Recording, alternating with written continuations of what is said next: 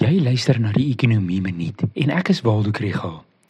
Hierdie week se ekonomiese nuus gaan oor die nuutste verbruikersprysinflasiesyfer en die monetêre beleidskomitee se repo-koersbesluit. In Julie maand het die hooflyn inflasiesyfer op 4,7% gestaan, maar die Reserwebank sal bekommerd wees oor dinge wat dit weer kan verhoog. Ek dink daar is 'n paar dinge wat ons weet en dan is daar ander stories in die koerant.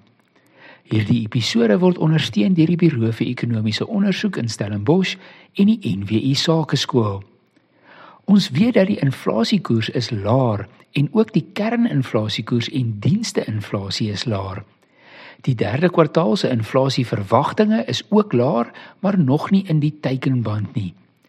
Die hoë rentekoerse hou die verbruiker redelik platgeslaan, so daar is nie veel druk op pryse van die vraagkant af nie.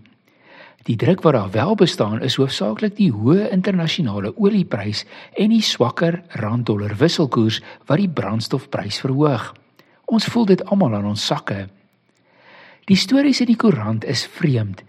Een beweer dat ons eerder na die maand tot maand veranderings in die inflasiekoers moet kyk en dan is inflasie eintlik besig om te styg.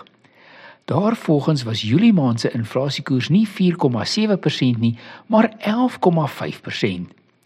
Die ding met die maand tot maand verandering uitgedruk teen 'n jaarlikse koers is dat jy aanneem dat die maand tot maand verandering vir die volgende 12 maande gaan geld en dit is nie noodwendig waar nie. Volgens daardie selfde berekening was die inflasiekoers in Mei en Junie 2,2%. Kom ons hou maar eerder by die jaar op jaar syfer. Die ander storie is dat as die Reserwebank volgende jaar die repo-koers begin sny, gaan dit lyk soos politieke ry voor die verkiesing. So iets sal net die geval wees as inflasie intussen styg en hulle sny dan die repo-koers. As inflasie laag bly, kan hulle maar sny en ons kan almal kalm bly.